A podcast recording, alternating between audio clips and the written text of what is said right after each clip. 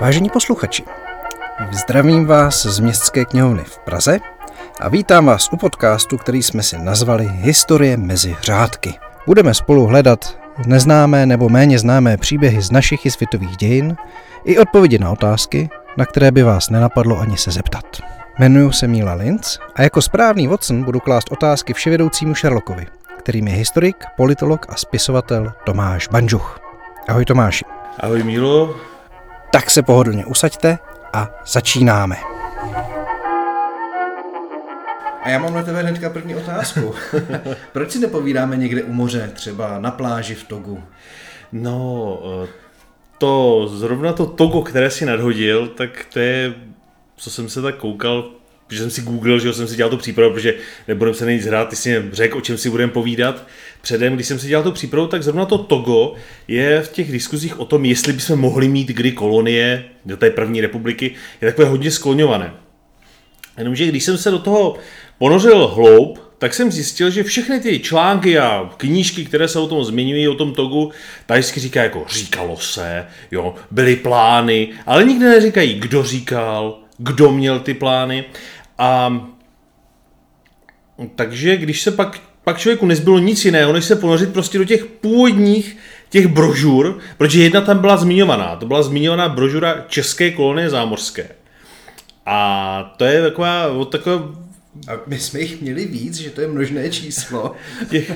No pozor, tam tě, to je právě v té brožuře je totiž zmíněné, co bychom si mohli jako kolonie případně nárokovat, protože ta brožura vyšla na začátku roku 1919 a tam jako to Togo je sice zmíněno jen tak jako mimochodem, ale hlavně tam je jako, že by se třeba mohli dostat Kamčatku, když se rozpadne Rusko třeba, nebo Papů Novou Gvineu, což tam vůbec nevím, co bychom s tím dělali. A ten, jako ten, ten autor tak jako počítal s tím, že ještě legionáři pojedou ze Sibiře, že by tak jako mimochodem mohli nějakou tu, nějaké, to, nějaké to území takhle cestou obsadit. Pochopitelně všechno to byly, všechno to byly fantasmagorie jednoho autora. Nicméně právě v této knižce je, je zmínka o tom Togu. A to je poměrně zajímavá v tom, že tam ten autor píše, že uh, Togo nám ve své, když to řeknu v vozovkách, to nemůžu ukázat do vozovky, musíme říct, ve své velkodušnosti nám ji přisoudili sami Němci, přestože my bychom z něj jako nic neměli. Jak jsem si říkal, tak to musí být někde v nějakých německých novinách. Uh, hrabal, hrabal jsem se a nakonec jsem našel článek, který tomu odpovídá. A ten je v, ve vídeňských novinách, někdy z doby Vánoc roku 18, kde vyšel takový krásný článeček a jmenuje se Češi jako vlastníci kolonii. A je tam ten autor, tam píše, že, a to je prostě, to je krásné, jestli si sleduješ někdy diskuze, jak se říká o těch dezinformačních webech, jak tam zmiňují prostě někdo nám řekl, jo, nebo prostě dozví, víme, že to bez zdroje, tak tady je přesně tohleto. Náš dobře informovaný člověk v Praze se dozvídá z ještě lépe informovaného zdroje, že Čechům připadne část německého koloniálního panství, konkrétně Togo. A tahle ta zpráva následně se překulila do českých novin, protože to, to, to, byl takový ten takový malý solokapřík, který, kterého si ty čeští, čeští novináři nemohli nechat ujít. A takže ve většině těch novin se objevila ta, ta zmínka bez jakékoliv komentáře, prostě přetištěná, přetištěná, třeba i na první stránce často. Nicméně u 90% těch novin to taky byla první a zároveň poslední zpráva, eh, která se tomu togu nějak věnovala. Já jsem pak dohledával, jestli byly nějaké nějaké zprávy, jako nějaké noviny, které se tomu věnovaly podrobněji a našel jsem, a většinou si z toho dělali neskutečnou srandu, že prostě co my, který nemáme moře, my jsme dělali s nějakým togem, kam jsme se, nemáme lodě, kterým jsme se tam dostali, nemáme lidi vyškolení na to, aby jsme to dělali. A a nemáme prostě jako na to ani prostředky, máme, nemáme, protože si musíme uvědomit, že v tom roce 18 jsme neovládali, teda v tom na konci roku 18 jsme pořádně štínovali pohraničí, neovládali jsme Slovensko, nevěděli jsme vůbec ani o tom, že nám připadne podkrapatská Rus a ještě si na sebe uvazovat nějak, jako nějaký Togo, to prostě jako, to prostě bylo ryze jako pro většinu tehdejšího národu to byl strašný bizár, jako. tak jako mohli jsme to zvládnout, ne, že ne? A, ale počkej, ty říkáš, že se to bylo v těch eh, vídeňských novinách, takže to byl nějaký jako vtip nebo humor? Nebo... E, no, to byl to, jak se teďka moderně tomu říká, byl to hoax. A v téhle, to, jako, prostě taková ta, taková ta, nikde se mě nepodařilo najít, kdo byl ten náš člověk v Praze, kdo byl ten ještě lépe informovaný zdroj. je to možná, že to se prostě někde, někde někdo zaslechl něco plácnout a přilepil k tomuto Togo.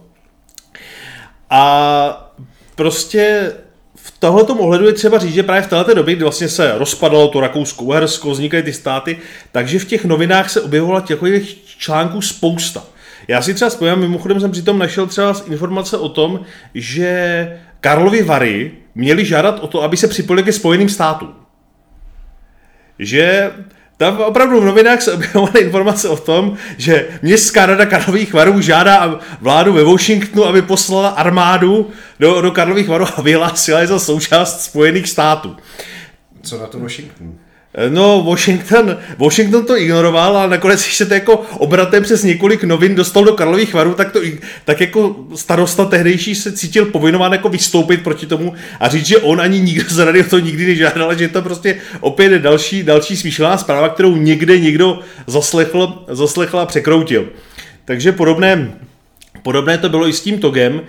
A když se ještě vrátím kousek k tomu, jak jsme na to reagovali, jak tady v Čechách se na to reagovalo, Eh, tak eh, jsem našel tedy, trvalo mě to dlouho, ale našel jsem jeden článek, který to rozebíral, jakože by bylo dobře, kdyby jsme to Togo dostali. A to byl nějaký regionální zemědělský věstník a napsal to tam učitel ze střední zemědělské školy v Chrudimi, nebudu přesně citovat jméno té školy, ale v podstatě byla to něco, co by odpovědělo střední zemědělské škole. Ten napsal obsáhlý článek o tom, jak je to skvělé, že budeme mít zrovna to Togo, protože a teď tam jako máš takovou krásnou, Eh, krásnou sumu těch těch pozdně obrozeneckých výlevů, že prostě je tam, že to, že tam je řeka Volta, že to je stejné jako Voltava, takže se tam budeme cítit, takže tam budeme cítit opravdu dobře. A takhle tam má spoustu těchto těch, eh, těch poznámek. A myslím, že to vrcholí takovou prostou krásnou to, že budeme mít jako, že tam jsou ti, ti, ti domorodci, ti černoši a že konečně, když jako je budeme být to Togo, takže po vzoru Francie si uděláme vlastní černošské koloniální vojsko, které nám bude pomáhat bojovat s Němci, kdykoliv by se proti nám jako Němci o něco pokusili. A protože Němci prostě z těch koloniálních vojáků mají hruzu, tak prostě to bude to nejlepší, co, co můžeme mít, nasadit proti ním černošské vojáky z Toga. To je zajímavý. Uh, já se tě zeptám teďka takový jako co by kdyby. Co by se stalo, kdyby jsme to Togo opravdu dostali? Jak by se s tím Československo dokázalo no, poradit? To je, to, je, to, je, to je těžko říct, protože uh, my si musíme uvědomit jednu věc. Oni především jako značná část těch kolonií, těch afrických, to bylo něco, čeho by se dalo říct, že to byl drahý špás. Ono jako je dost možný, že možná pravděpodobně, že jsme na to jako zbankrotovali. Protože třeba Německo před první světovou válkou, které vlastně tyhle ty kolonie mělo, tak na těch koloniích strašlivě prodělávalo. Ono tam prostě se tam, se tam do nich, do těch, oni, oni prostě mělo, protože to byla součást té národní píchy, hlavně prostě námořnictvo trvalo na tom, že když mají kolonie Britové, Francouzi, já nevím, Belgičani, my musíme mít taky kolonie. My jsme naštěstí tu námořní lobby neměli, takže tam by to bylo to jednodušší. Ale oni prostě tam do toho, tam do toho Německo eh, rvalo, než se to začalo jako vyplácet, ty kolonie, tak se musel narvat strašné peníze.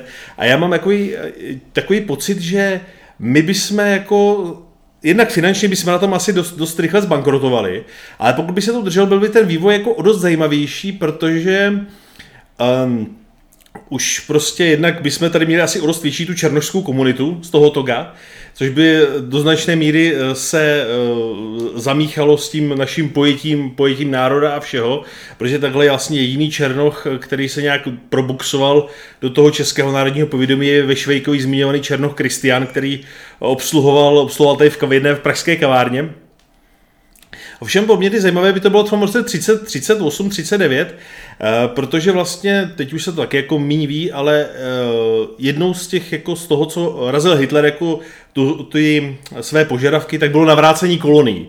A takže je logický, že přestože jsem mohl, jsem může člověk jako myslet, že prostě v tom roce 39 by tam utekla ta exilová vláda, tak je, myslím, že jako první, co by si Hitler vydupal, je to, aby se Togo vrátilo zpátky, zpátky Německo, zase by tam zavlála, zavlála ta německá vlajka a je dost pochybný, jestli by nám to případně po tom osvobození, osvobození zase vrátili, nebo jestli bys to nenechala Británii s Francií jako nějakou součást toho, toho osvobození, což vlastně eh, v tom roce, v tom roce 18 takhle to dopadlo tak, že to Togo schlamstla už eh, v lednu, v lednu 18 a v lednu 19 připadlo Francii, a takže veškeré debaty jako o tom, jestli nám připadne nebo ne, vlastně tím skončily a dokonce i ten učitel s Chrudimi nad tím ronil takové ty krokodilí slzy, že jsme byli tak, jako všichni, všem ostatním už to bylo jedno, on jediný ronil takové ty krokodilí slzy, že jsme byli tak blízko toho, aby jsme měli tu uh, novou Vltavu v té Africe a ty, ty černé pluky, co budou bojovat proti Němcům. To bylo, to bylo asi tak všecko, no. Ale a kdyby se to jako řešilo vážně, pustila by nás jako Británie s Francií vůbec jako do téhle hry, nebo? Já si myslím, že ne, protože už tenkrát jako uh, těchto těch, těch států, že těch, těch drobnějších států bylo víc a konec konců my jsme jako u toho, u toho stolu jako u toho stolu sbírali drobky. Jo, u toho, to, to, to, toho rozdělování, protože ty velk, tu, ty velk, tu velkou cenu vlastně to, ty porážky si rozdělovaly ty vítězné mocnosti Británie, Francie, Amerika, Japonsko a já myslím, že u tohleto, i kdyby to Československo skutečně si řeklo, že prostě zkusíme to oslovit, si nám to Togo nebo nějakou jinou kolonii dali, tak by to na čem by to ztroskotali, by se Britové a Francouzi zeptali, a lodi máte?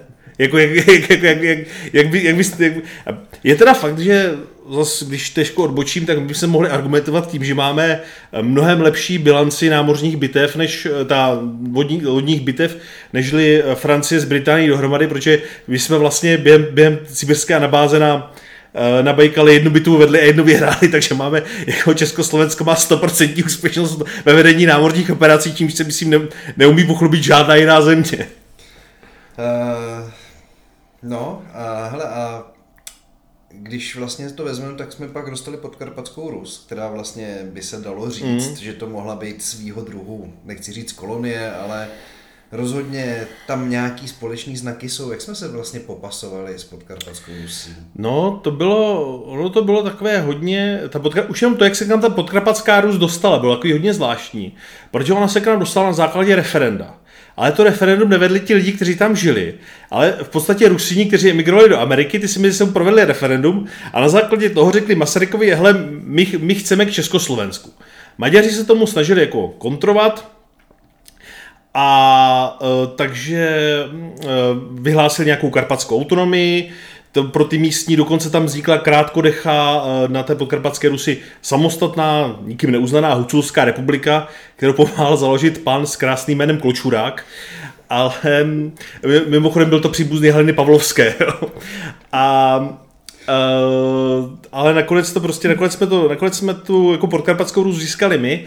Uh, skutečně jako byla tam jistá podobnost, protože někteří lidé v Čechách o té podkarpatské Rusy uvažovali i tak, že to vlastně v tom Československu, že to není jako natrvalé, natrvalá součást, je to je v podstatě něco, jak se tenkrát, protože tenkrát po první světové což bylo takové poněkud žinantní dávat těm státům kolonie, tak ty německé zebrané kolonie se přidělovaly jako takzvaná mandátní území, kdy se výhledově čekalo, že ty země vyhlásí nezávislost. A u nás právě tak bylo takové jako napůl uvažování o tom, že ta Ukrajina, ta, ta, ta podkarpatská Rus, bude sloužit jako nějaký odrazový můstek pro vybudování nějaké širší ukrajinské, ukrajinské státnosti. A že vlastně někdy v budoucnu dojde k tomu, že se třeba, že se třeba nějakým způsobem trhne a utvoří jádro nějakého ukraj, ukrajinského státu. S tím letím se pak hodně pracovalo ještě ve 30. letech, ale už s tím pracoval Hitler a, Hitler a třeba i Poláci. Ale ještě kdyby se vrátil k jedné věci, já jsem se totiž snažil zjistit, jak se to, ta zpráva o tom Togu, na rozdíl třeba od těch Karlových varů, jak se to dostalo do českého jako širšího povědomí a zjistil jsem, že to může trochu spisovatelská fantazie. Je, uh, pokud znáš uh, od Nefa sňatky z rozumu, že jo, tu, tu, tu slavnou, slavnou pentalogii, která zachycuje ten, jak řekl, rozpacha, rozmacha úpadek české buržoazie v 19. a 20. století, tak v posledním díle se tam Nev tom, tomu Togu věnuje. A v podstatě spousta věcí, které jsou vlastně se o tom Togu tradují, pocházejí výhradně z té jeho knížky. A on vlastně říká, že to je založené na jeho vzpomínkách, že jako malý měl psa, který, který se jmenoval Togo a že právě jmenuje počest téhleté kolonie. A vlastně si říkám, že ono to, protože on, jemu v té době bylo 8 nebo 9 let a to by si žádný kluk by si v 8-9 letech nepamatuje, jestli prostě z novinách vyšel článek, vyšel článek o Togu. Nicméně já věřím tomu, že oni toho psa měli a vzhledem tomu, že ten článek vyšel na Vánoce, takže toho psa třeba dostal k Vánocům. A zrovna když to tak, že v těch novinách to Togo bylo, tak ho pomenovali prostě toho psa po té africké kolonii a že to vlastně je jediná vlastně taková ta reálná stopa Toga v českých dějinách. A přitom je zajímavé, že když já jsem si v rámci přípravy procházel jako internet, tak tam jako o tom, o tom Togu je článku spousta, jak jsme byli vlastně blizoučko a našel jsem dokonce jeden, jak vlastně Západ nás zradil a jak jsme ve Versailles lhali, včetně jako jiných věcí v zájmu toho, aby jsme získali Togo, takže ta, ta, ta, ten příběh tady jako docela živý. Jakože je. A právě je já jsem si schválně ještě zkoušel, jak existuje systém Kramerius, který umožní vyhledávat spoustě novin a mm, knih. A zkoušel jsem tam vyhledávat jako slovo Togo. A zjistil jsem, že ta zmínka o tom, že Togo měl být jako kolonii, se párkrát ještě objevila řekněme na začátku 20. let, myslím, že to zmiňovali ještě nějací, nějací radikál, myslím, že něco, co se motalo kolem, kolem budoucích fašistů, že prostě jsme to mohli mít a to byla opravdu zmínka a pak to usnulo. A najednou v momentě, když se objevil tenhle pátý díl té nefovy, nefovy, nefovy pentalogie, tak najednou o tom začali psát všichni a právě vzhledem k tomu, jak byla ta nefová pentalogie populární, tak se to právě přes tohleto dostalo do, dostalo do povědomí. Já si takhle vzpomínám, že já jsem uh, vedl takhle debatu s jedním, s jedním člověkem na internetu, který mě přesvědčil, že to, že to skutečně tak bylo, že o tom byla i píseň od Hašlera, že Togo to není mnogo, ale je naše. A říkám, výborně, tak mě najdi nějaký další verš k té písničce. On říkal, nemám, nemůžu ho najít. Říkám, no protože to Togo to není mnogo, ale je naše. Je přesně ten verš, který je uvedený v té nefové knížce. A přesně jako je možný, že to Hašler tenkrát něco takového za, uh, zaimprovizoval, tak se v podstatě do českého povědomí to Togo není mnogo, dostalo právě, právě z té nefové knihy. Takže vlastně za to, že dneska spousta lidí věří tomu, že jsme jenom o vlásek přišli o kolony, tak za to může jeden hoax a jeden spisovatel s knížkou. Přesně tak. A já to si myslím, že to ukazuje, jakou velkou moc má to psané slovo. A, tak to je super. Hele, a když vlastně máme tady doporučení na nefovou pentalogii, ještě nějaká knížka, kde se o tom togu můžeme víc dočíst, kdyby někdo chtěl vědět víc? Takhle, když tak, kdyby někdo chtěl vědět, jak se to tady prožívalo, tak ve spoustě knihoven se dá ještě sehnat ten útlý spisek to české kolonie zámořské, Eh, kterou napsal Jan Klecanda, to je ta knížka, kterou jsem na začátku zmiňoval. Eh, ovšem pozor, to mi napsal pod pseudonymem eh, Jan Havlasa. A pak ještě, a trošku šířejc o tom, jak Češi snili o té Africe a co kde chtěli, co kde, co kde jak do ní promítali ty své tužby, tak to bych doporučoval asi, to má krásnou kapitolu Kosatík v českém snění. Takže kdybyste, kdybyste chtěli, tak tyhle ty knížky můžu s dobrým srdcem doporučit. Tak jo, tak já myslím, že o Togu jsme řekli mnogo a budeme se těšit na slyšenou někdy příště. A